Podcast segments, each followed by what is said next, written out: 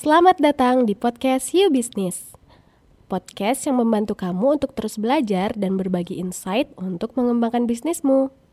Di sini, kita akan belajar dari para praktisi ataupun berbagi insight dengan tim You Business sendiri. Selamat mendengarkan. Halo semuanya, kembali lagi di segmen Tanya Yumin. Pertanyaan kali ini datangnya dari DM Instagram. Ada nggak sih bisnis yang bisa jalan tanpa modal? Nah, terus bagaimana kita tahu bisnis kita tuh udah waktunya scale up dan cari modal tambahan? Sejauh ini apa aja yang bisa jadi alternatif-alternatif permodalan? Monggo dijawab langsung oleh Mas Salman.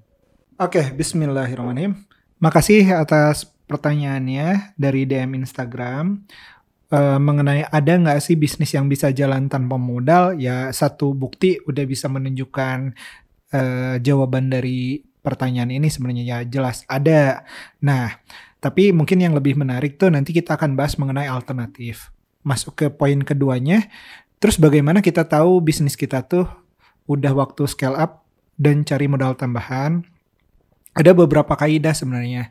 Cuman di beberapa fase bisnis kan kita tuh uh, mungkin ada yang mengejar pangsa pasar potensial, ada yang dari market dulu dalam artian kita berusaha menyelesaikan masalah mereka, ada yang bikin produk dulu. Katakanlah kita sekarang ngobrol yang menjadikan customer itu sebagai pusat dari pengambilan keputusan kita dalam menjalankan bisnis. Dalam artinya hal-hal yang kita lakukan itu di drive dari data yang customer kasih.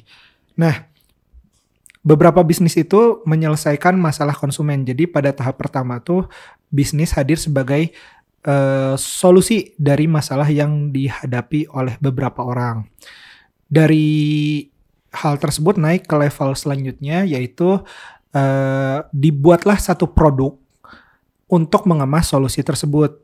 Istilah bisnisnya ada product market fit yang artinya uh, desain solusi tadi kita kemas dalam satu produk dan market menerimanya.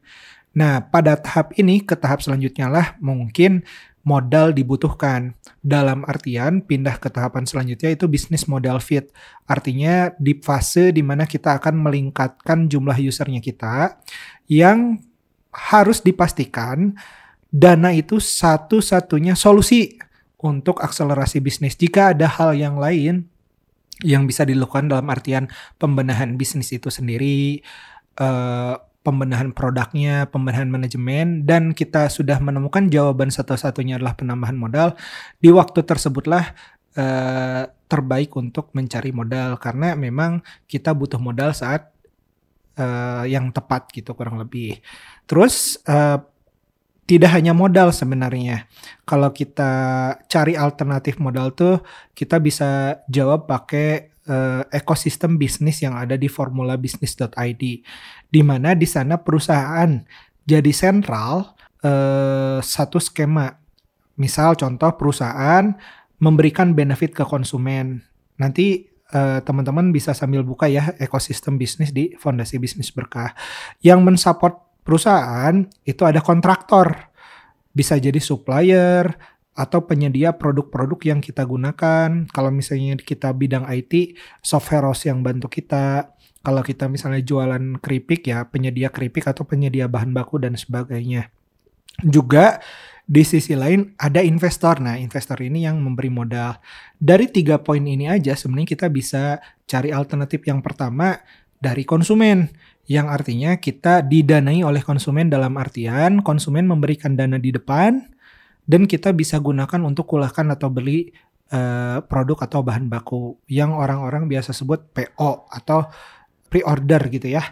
Nah, kalau kita ambil dari angle kontraktor, di sini juga kita bisa uh, request penundaan cash flow dalam artian pembayarannya termin. Jadi kita bisa jualkan atau kita bisa dapat produk duluan dan pembayaran berkala bisa dilakukan setelah produk kita terjual misalnya kayak gitu. Nah itu juga sebenarnya alternatif pendanaan. Jadi nggak selalu uh, uang itu satu-satunya solusi permodalan karena kita bisa dapetin itu dari konsumen langsung dalam artian tadi pre-order atau yang kedua bisa dapat uh, pembayaran termin dari kontraktor. Yang terakhir ya baru dari sisi investor. Dan di investor ini pun macam-macam. Ada yang bisa berupa pinjaman, yang artinya yang tentu kita coba hindari uh, yang berbunga ya. Dan memang harus dihindari uh, dicari misalnya ada ada nggak institusi-institusi tertentu yang punya produk kordul hasan atau pinjaman yang baik atau yang kedua memang uh, investasi investasi yang pun banyak ragamnya tapi secara garis besar. Ada yang memang investasi di modal saja ada yang juga memang berkelompok untuk uh, menyertai kita juga dalam menjalankan bisnis. Kurang lebih hal-hal tersebut yang bisa dijadikan alternatif permodalan bagi satu bisnis di levelnya uh, kon, di, di levelnya UMKM tentu ini alternatif permodalan non bank ya teman-teman. Terima kasih. Terima kasih sudah mendengarkan podcast ini jika kamu merasa podcast ini bermanfaat, jangan lupa bagikan ke teman-teman kamu ya, supaya mereka juga dapat manfaat yang sama. Jangan lupa juga untuk mengikuti kami di Instagram at yourbusinesscom, karena di sana kami juga akan berbagi banyak insight seputar bisnis lainnya. Sampai bertemu di episode selanjutnya.